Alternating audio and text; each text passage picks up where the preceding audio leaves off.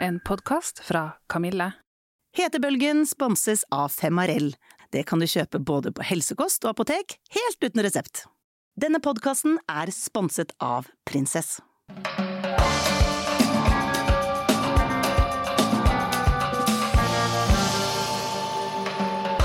Hei, jeg heter Dora Thoralsdottir. Jeg er 49 år, og jeg er omtrent ett kvarter unna at overgangsalderen slår til for fullt.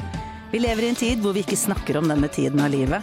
Det er mye hemmelighold, det er skamfullt og faktisk tabu.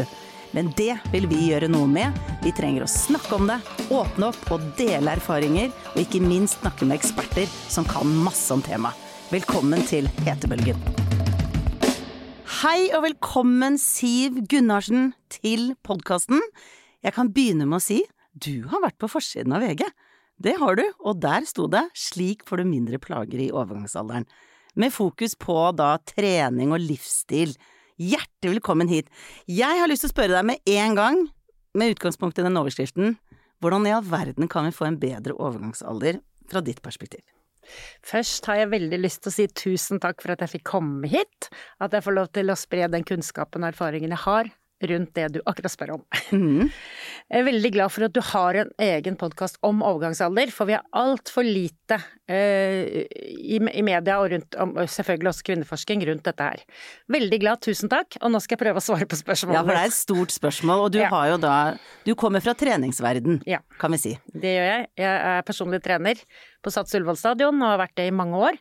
Jeg trener også menn, men eh, jeg har spesialisert meg nå mer på kvinnehelse, og spesielt trening i overgangsalder. Nettopp. Derav sitter du her som Mm. Ja. det orakelet innenfor trening og overgangsalder. Og jeg bare går rett på. Her sitter det mange da rundt omkring og hører på, og så lurer de på hvordan kan jeg bruke trening da for å få en bedre tid Ja. i, i vente. Da har jeg lyst til å kanskje dele kvinner opp i hvert fall to grupper. Det jo, altså jo, dette blir veldig generelt, men de som alltid har trent, og som har trent styrke, og som har løpt, og som har gått på ski og gjort alle disse tingene her, vært flinke i anførselstegn til å ta vare på kroppen sin, kan ofte få en reaksjon når de kommer i overgangsalderen hvor dette blir for tungt, det blir for mye. Og da er det veldig viktig at man hører på kroppen sin, lytter til kroppen sin, og regulerer treningen litt etter det. Ja. Det er viktig. Og så har vi den andre gruppen som aldri har trent, kanskje, og som skjønner at nå må jeg faktisk ta tak, hvis ikke så kommer jo ikke jeg til å orke å gjøre de normale hverdagslige tingene mine, og jeg kommer til å få en mye dårligere helse. Eh, Så det er egentlig to grupper som jeg kanskje kan gi litt ulike råd til, da. Nydelig! Ja. Kom igjen! Ja. Skal vi ta den første gruppa først? Vi tar den første gruppa først. Eh, og de møter jeg ganske ofte i jobben min. Fordi jeg da jobber på et treningssenter, så er det jo da ganske mange som har trent en, eh, i mange år.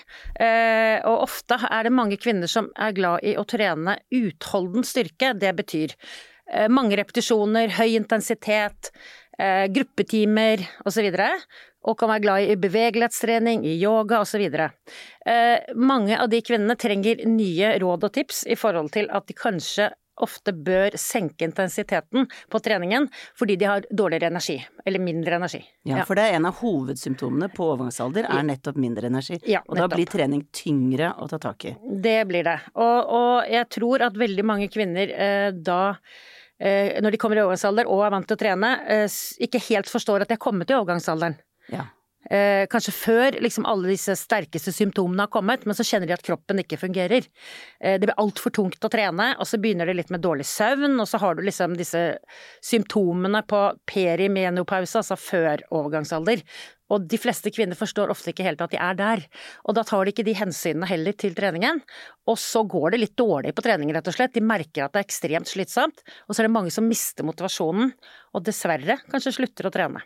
Ja. Så det rådet jeg liksom har til de som kjenner at nå er kroppen min annerledes, nå er den helt forandret, det er å endre litt på treningen ved å gå ned litt i intensitet og kanskje droppe de tøffeste treningsøktene, og heller trene styrke med litt tyngre vekter og litt lengre pauser, for da kan kroppen ta seg igjen litt mellom hver serie.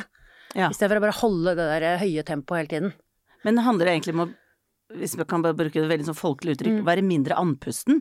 At det er mer Ja, i- fokus på muskler? Ja, ja, det er veldig bra. Ja, det er jeg helt enig i. Sånn kan du gjøre det. Eh, mer fokus på muskler, og i den perioden litt mindre fokus på høy puls. Ja, Mm. som Jeg du kan sier. relatere veldig til det, for jeg, jeg har jo trent sånn det er, Jeg skal ikke skryte av noe sånn veldig Jeg er veldig sånn Å, der hadde jeg en god periode, og så datt det litt, og så opp og ned og sånn. Men så var det akkurat som i, fj ja, i fjor sommer eller noe sånt, at det var bare tanken på å bli sliten var helt sånn Jeg orker det ikke. Nei. Så da blir yoga veldig fristende, for Ja. jeg føler at det er litt styrke og Ja. og, og sånn. Så jeg, jeg bare tenker liksom ja, nettopp! Det er jo noe i det der med at energien Det føles som en enormt kraftanstrengelse å skulle gå ut av døra og ha en sånn time på 60 minutter. Ja. Sånn, «Ah, vet du å nei, dette ble veldig vanskelig. Ja, nemlig. Og det du, eh, stikkordet du snakket også om yoga, og det er også veldig typisk at kvinner i overgangsalder da vil velge, fordi det er noe du mestrer på en måte. Du blir ikke så sliten, i hvert fall. Det fins yogaklasser som er veldig tøffe, men de fleste yogaklasser da, som man går på via treningssenteret. Ja. Eh, men det er jo kanskje en av de største treningsfeilene eh, kvinner i overgangsalderen eh, gjør. Det Å, er å spent. ikke det? trene styrke! ja. Fordi, Ja. fortell om det, for det handler om muskelmassen som Ja. blir mindre. Ja, det handler det om. Eh, i, i, I det hele tatt, både damer og menn eh, mister jo 10-15% både muskelmasse og muskelstyrke hvert tiende år fra man er 40 år. Og hvis du da ikke trener styrke, så blir du veldig svak når du er 60-70 år. Men når du sier det mister 10-15% kan du da trene de 10-15 tilbake? Ja, du, ja, det kan du. Du kan faktisk det. Men det er jo mye større jobb å trene de tilbake Ja. enn å begynne å trene litt tidligere. Ja. i livet. Men du kan absolutt gjøre det. Og hvis vi nå snakker om kvinner i overgangsalderen da, og rundt 45 til 50 år eller litt eldre, eh, så er det det å trene, som jeg egentlig har sagt tidligere nå, eh, litt tyngre styrke. Opp til eh, kanskje åtte-ti repetisjoner, litt lengre pauser. Kjenne at du virkelig bruker muskulaturen, men du har lov til å ha pauser. Du må ikke hause deg opp med høy puls hele tiden. Ja. Det gir god effekt på styrketrening.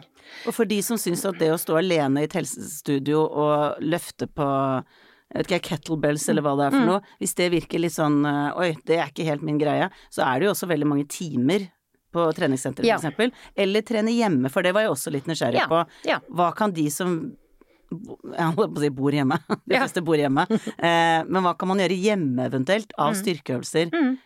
Fordi dette her kanskje treffer? Ja. Eh, du, du nevnte det med, med at det kanskje noen syns det er litt ubehagelig eller utrygt å trene på treningssenter. Så fins det ja gruppetimer også, eh, som ikke har så høy intensitet. Det er litt viktig å se da disse, eh, på disse ulike treningssentrene hva som tilbys.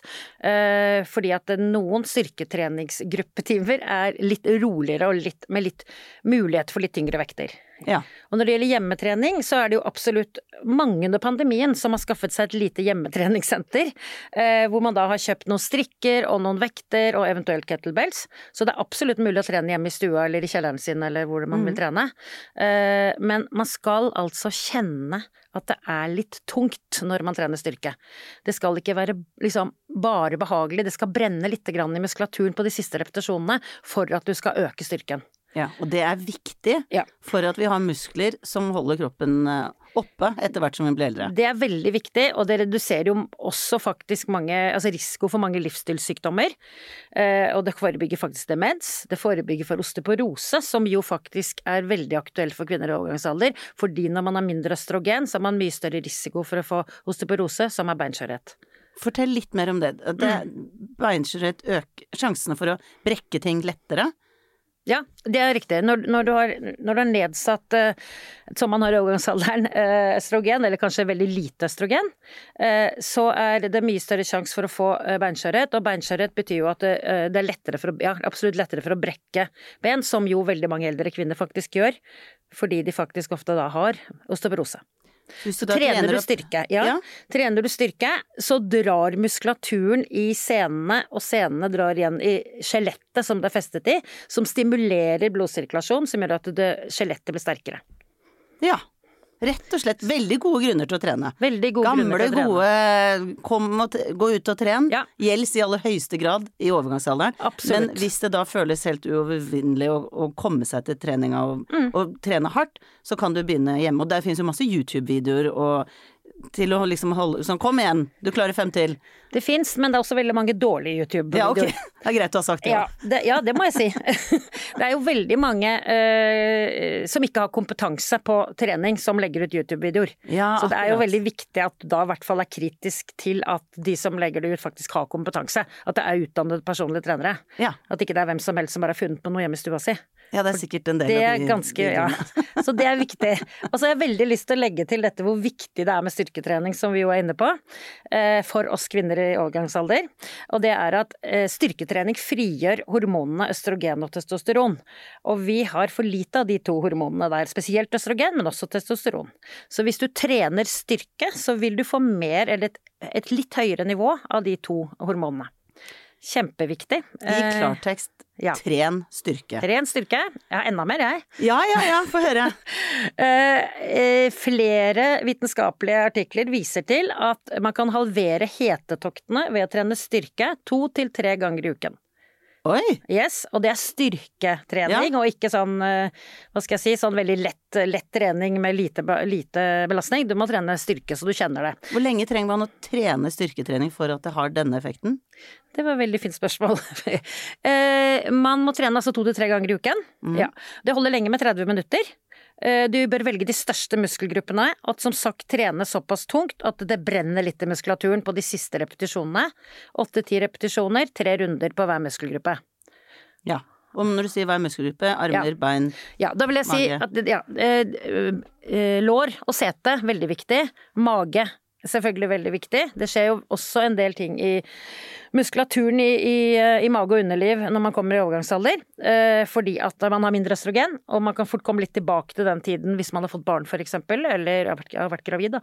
Eh, at man kan få litt av de plagene som man hadde da etter fødselen kan man få når man får mindre østrogen også. Så det, det å trene og være sterk i magen er viktig.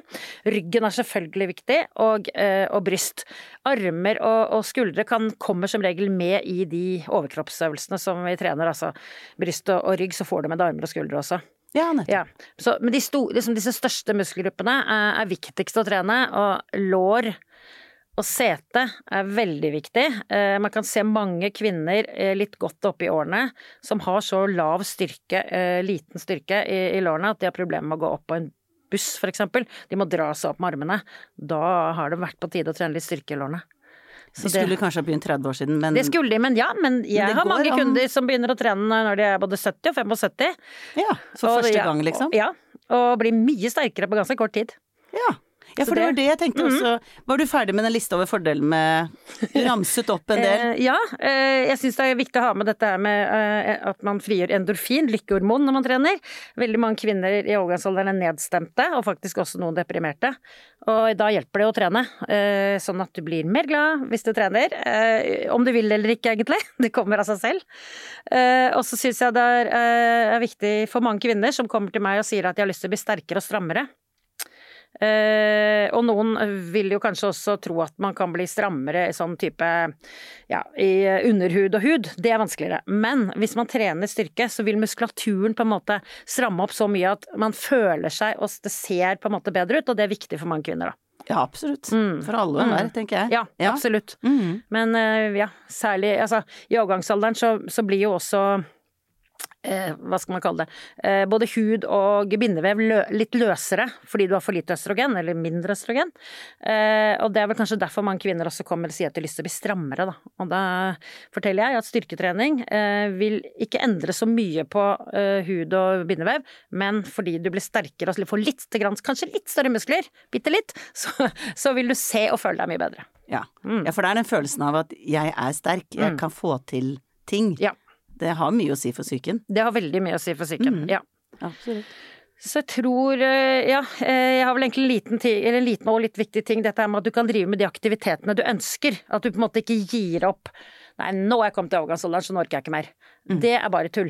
Eh, For trener man, så, så vil man oppleve at man kan gå på ski, man kan løfte på barnebarn, man kan eh, bære et litt tyngre ting. Man kan gjøre mye mer i hverdagen som man ønsker å gjøre, da.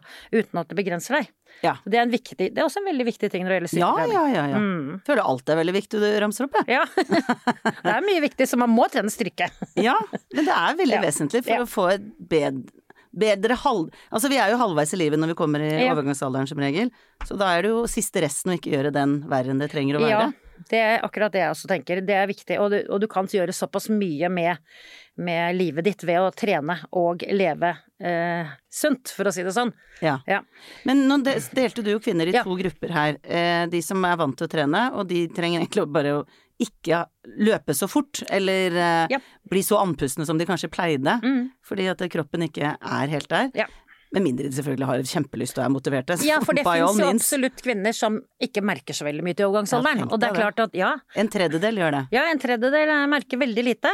En tredjedel sliter noe, den neste tredjedelen har, eh, har det tøft og trenger ofte hjelp. Mm. Og så er det da de som eh, har unngått trening Mm. alltid, og det er bare ikke for meg, dette her er Dette gjelder andre folk. Mm. Gjelder akkurat de samme tingene for dem. Eh, eh, Altså alle fordelene gjelder jo, Mm. eh, absolutt. Men eh, da, da må jeg nesten som personlig trener anbefale at man starter med å få litt hjelp. Fordi at det er, eh, det er så viktig at man da begynner å trene riktig. For folk, eller kvinner som ikke har trent noe noen gang før, eller kanskje bare i ungdommen, har jo ofte ikke et forhold til hvordan man bør trene. eh, Og kan ofte begynne litt for hardt, eller kan trene litt feil, får litt vondter, får litt skader, og slutter å trene.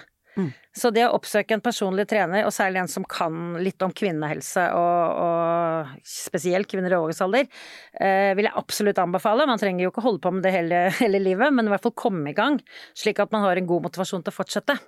Det vil jeg absolutt anbefale.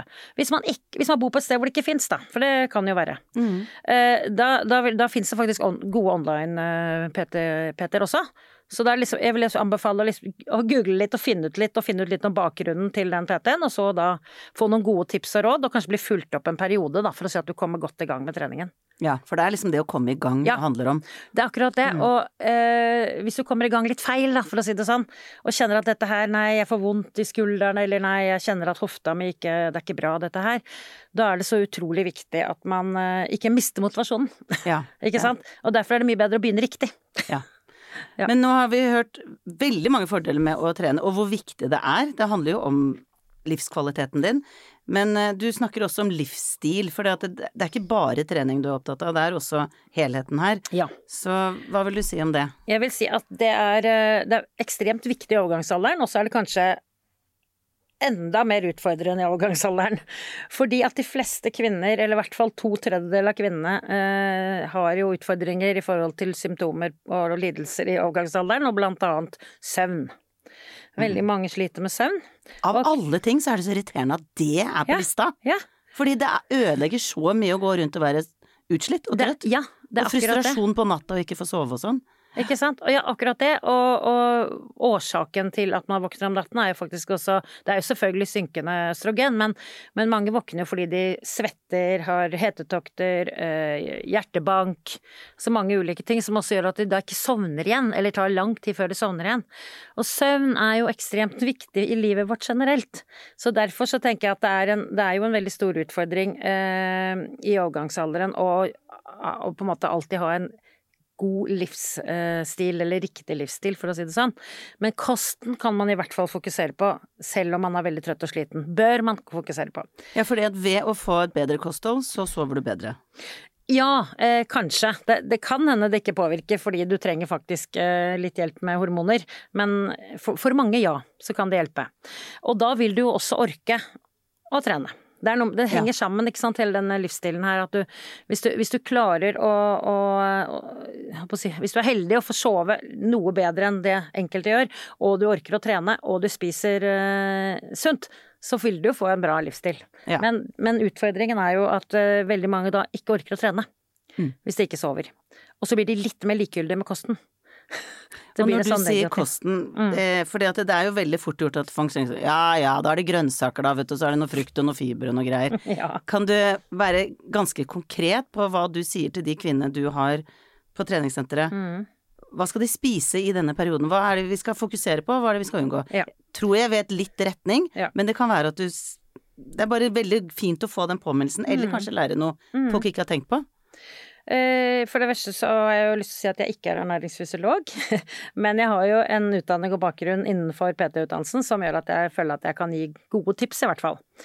Eh, og det jeg i alle fall sier, eh, eller snakker med mine, mine PT-kunder om, er hvordan de spiser i dag. For det er veldig viktig før man sier hva man skal spise. eh, og det jeg eh, da ofte hører, er at veldig mange har gått på såkalte trenddietter. Ikke sant? De prøver, å, de prøver forskjellige, litt, nesten litt ekstreme ting, og så virker det ikke. Eh, og det er jo ofte fordi at de, de trenddiettene, de er for tøffe å følge over tid. Ja, så jeg anbefaler jo eh, noe à la middelhavskosthold, altså at du spiser det du sa, mye grønnsaker. Eh, litt mindre karbohydrater. Jeg sier ikke at du skal kutte ut i, men litt mindre. Og så skal du faktisk øke proteinet litt, nettopp fordi at du vil jo gjerne ha resultater i styrketreningen din. Og da bør du ha nok protein, og veldig mange kvinner er litt forsiktige med det òg. Fortell, hva, Så, hva er det vi skal protein, spise som har ja. protein i seg? Ja, da, da kommer det litt an på om du er eh, veganer eller kjøtteter, for å si det sånn. Men eh, det er jo mye proteiner i fisk og, og kjøtt og egg. Det er det jo. Men så er det jo også mye, mye proteiner i bønner og andre eh, eh, vegetarprodukter. Mm. Så det er veldig viktig at eh, man, man er litt bevisst på det, da. Hvis man nå ikke spiser kjøtt, fisk og egg, så må man være litt bevisst på hvilke grønnsaker eh, og bønner videre det er høyt eh, proteininntak i. Nei, protein... Ja. Hva heter det? Ja, at man tar inn. Ja, ikke sant. Ja, Men for ja. de som eventuelt begynner å tenke sånn, nå skal jeg begynne å trene styrke, og så har de sett at det, det finnes sånne butikker som selger proteiner over en lav sko, Mm. der hvor det er veldig mange med store muskler som går inn og kjøper. Er det noe du anbefaler? Nei. Det er en konsekvens. Absolutt ikke. Nei, det er det ikke. Eh, Det er eh, mye bedre å spise eh, mat som inneholder riktig næringsstoffer, og da selvfølgelig også mat som inneholder protein. Ja. Og hvorfor? Disse pulverne, som det ofte er, og også barene, eh, inneholder også veldig, ofte veldig an mye andre stoffer eh, som ikke er nødvendig i det hele tatt å få i seg, pluss at de er dyre, pluss at eh, man ofte da kan få i seg for mye eh, protein, eh, som i utgangspunktet ikke er noe farlig, men man eh, tisser det bare ut igjen, og det er ganske unødvendig. Så, Ja. så jeg anbefaler absolutt å spise mat som inneholder nok protein, og ikke pulver og barer. Ja. Så er det vel helt sikkert eh, på lista også eh, things not to do. Mhm. Hva tenker du på andre Nei, ting vet da? ikke, kanskje sukker Ja, sånn, ja. og potetgull og sånn? Ja, ja, ja. Om du vil si noe om det, også? jo, det kan jeg og gjerne være si litt noe om. bevisst på det? Ja, det vil jeg gjerne si noe om. Hetebølgen er sponset av Femarell. Det er Norges mest solgte produkt uten resept for lindring av overgangsalderplager. Symptomene på overgangsalder det vet vi det kan være hetetokter, søvnproblemer og humørsvingninger, og virkningen av Femarell det er godt dokumentert, og du kan bruke de fra første symptom på at overgangsalderen er kommet. eh, eh, si snacks da, som, inneholder høyt inne, eh, som har et høyt innhold av, eh, av fett, eh, vil jeg absolutt en, ikke, Om ikke du klarer å unngå det helt, så i hvert fall ikke spis mer enn en liten håndfull da, når du skal kose deg med det. Begrens det mest mulig. Eh, og vær litt sånn obs på eh, kanskje innholdet i disse ulike godteriene og snacksene. Og så kan du, som du selv sa, begrens sukker, men sukker er jo ikke farlig i seg selv, det er mengden. Ja. Ikke sant? Så det er det. Så vær også litt bevisst på det, da. At du, så spiser du har du veldig lyst på å spise en sjokolade til eh, helgen, så, så er, jo ikke det skadelig. Det er jo det derre jevnlige, at du bare putter inn eh, daglig.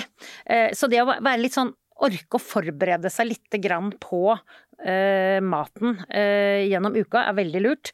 Eh, for veldig mange eh, sånn rundt to-tre-tiden på, på dagen blir sultne, og da er det ofte det skjer. Den sjokoladen eller det usunne lille måltidet, da. Ja. Hvis man da har med seg noe, et, en frukt eller eh, disse guller små gulrøttene, løsrøttene, disse snacksgulrøttene, eller har med seg noe som man lett kan heller eh, ty til, så er jo det mye mindre kalorier og mye sunnere innhold. Ja, rett og slett. Det kan være ganske lurt. Mm. Ja.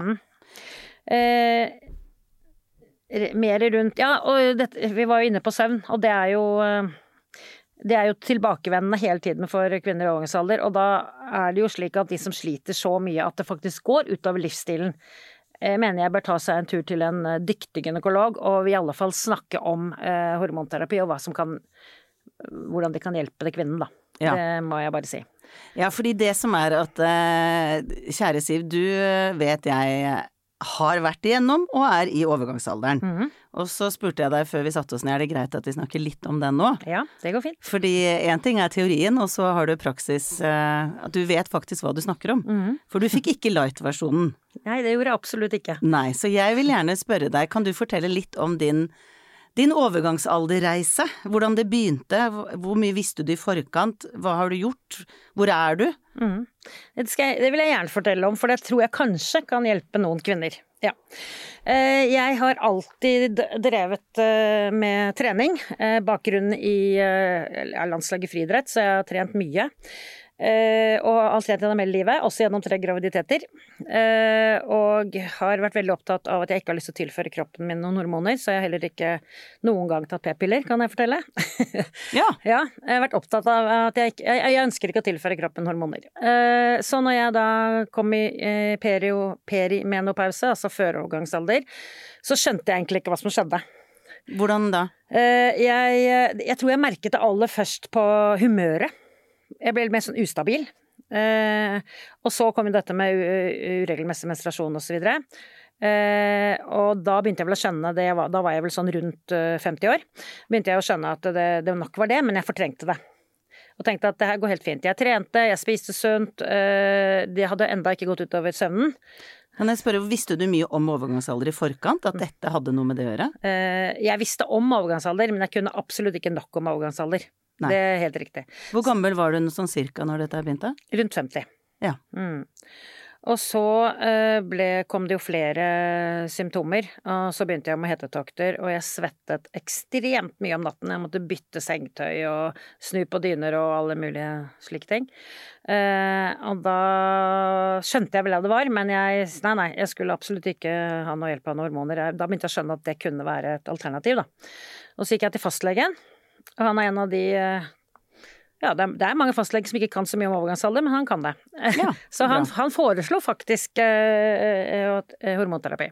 I hvilken si- form da? Ja, da var det faktisk i piller, fordi det er såpass mange år siden at da var det jo ikke dette bioidentiske med plaster og spray og gelé eh, kommet på markedet. Så jeg fikk eh, piller. Eh, nei, det vil si jeg fikk resept på piller, men Ja, for det var det jeg lurte på. Den bøygen der, Ja. fra å være helt anti. mm. Så på et tidspunkt så gikk du inn på apoteket og sa jeg skal ha disse pillene. Nei, jeg gjorde jo ikke det. Til? Å, gjorde du ikke det? Ja, for du sa at du gikk Ja, ja, jeg jo på fikk, nei, jeg fikk, ja, men da fikk jeg, de, de fikk jeg jo den resepten. Men uh, jeg begynte å lese på bivirkningene, og der står jo fortsatt at det kan få brystkreft og alle disse tingene som egentlig er nå motbevist. Mm. Uh, uh, og vektøkning. Og en del sånne ting som gjør at nei, det skal jeg i hvert fall ikke gå på. Så jeg slet meg litt videre, og så begynte jeg på Femarel.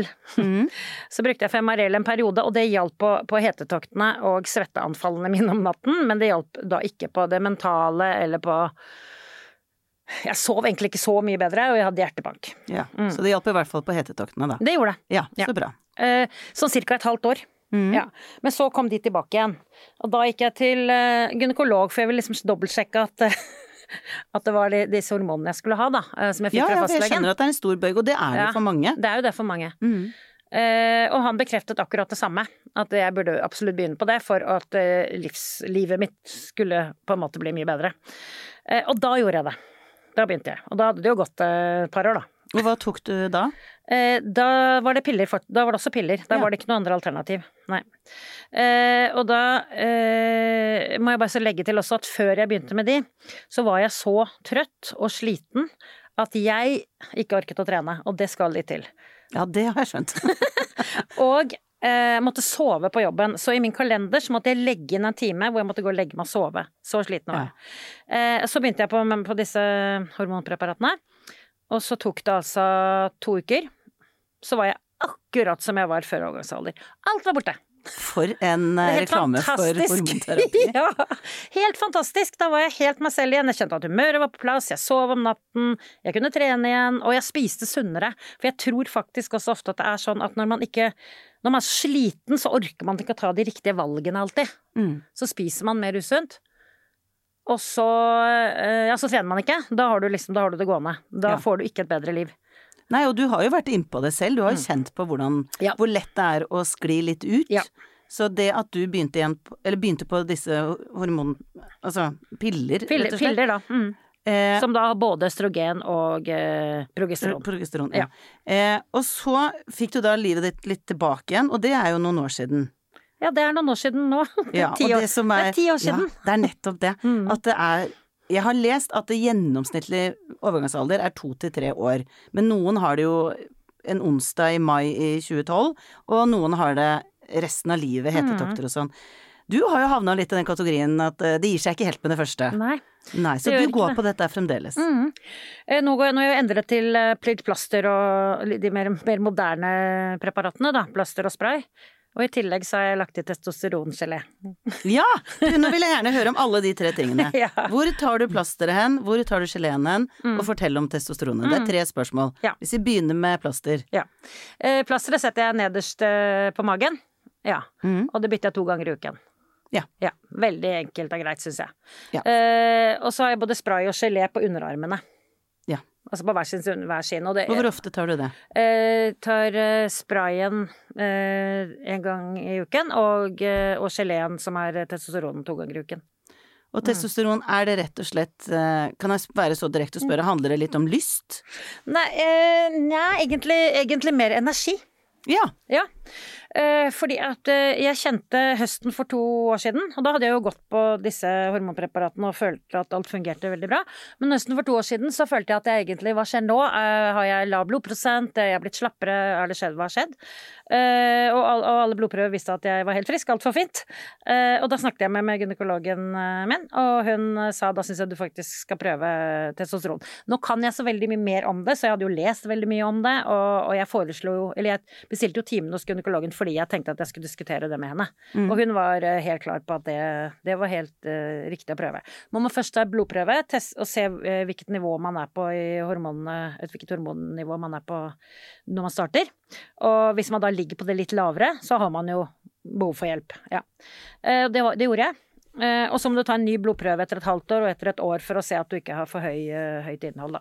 ja, for det er jo det som noen er redde for. At Mm. oi, da begynner jeg å få skjeggvekst og mørk stemme og Ja, Ja, Mørk den- stemme tror jeg ikke du får, men, eh, du, men du kan, kan nok få litt noe mer hår på kroppen. Det hørte jeg Helena Enge snakket om i en annen Mm. episode her. Eh, men det har ikke skjedd med meg. Nei, for da er det jo tilpassa det nivået der du er. Og hvordan slo Da du begynte å ta testosteron, hvordan, hvordan merka du det? Eh, da, da det, det, det virket ikke like Jeg syns ikke det virket like raskt som, eh, som de andre hormonpreparatene. Eh, det tok liksom litt mer tid. Altså ikke lang tid, men la oss si en måneds tid, da. Ja. Eh, og så da merket jeg at jeg hadde mer energi, og livet ble liksom litt lysere. Fordi det var, det var jo på høsten, og det er jo litt mørkt, men jeg følte også at jeg var såpass sliten at jeg kanskje var litt nedstemt.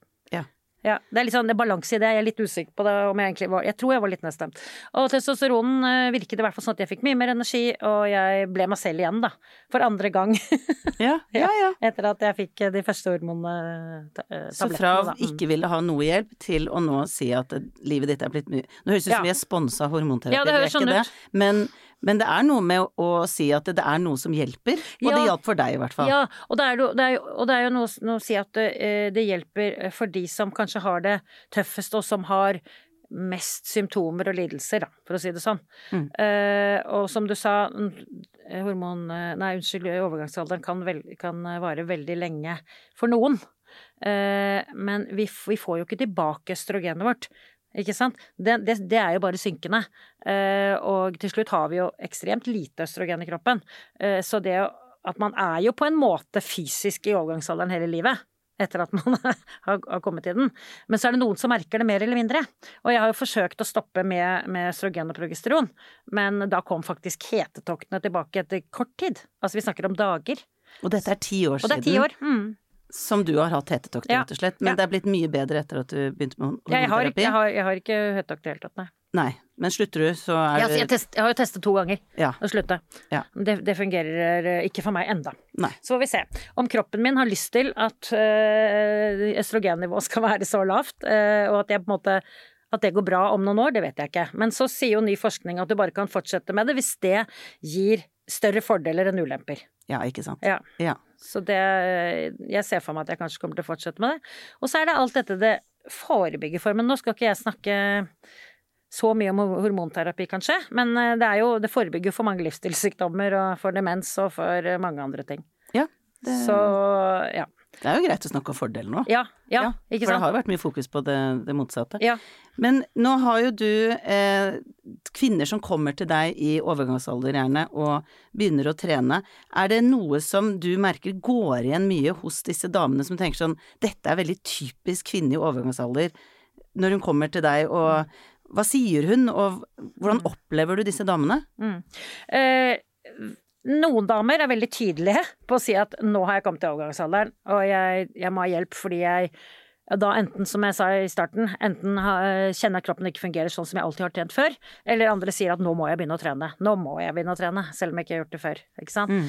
Eh, og, så har du, og så har du de som ikke forstår at de er i overgangsalderen. Der Eh, du trenger nesten å si det til de. Ja. Ja. Eller nei, jeg tør ikke gjøre det, jeg stiller spørsmål. Du lar dem finne ut av det selv. Ja, ja. Fordi jeg tenker at jeg er en personlig trener, jeg er ikke gynekolog eller lege, så jeg tenker at det er veldig viktig at jeg stiller noen spørsmål som gjør at de kanskje selv kan tenke.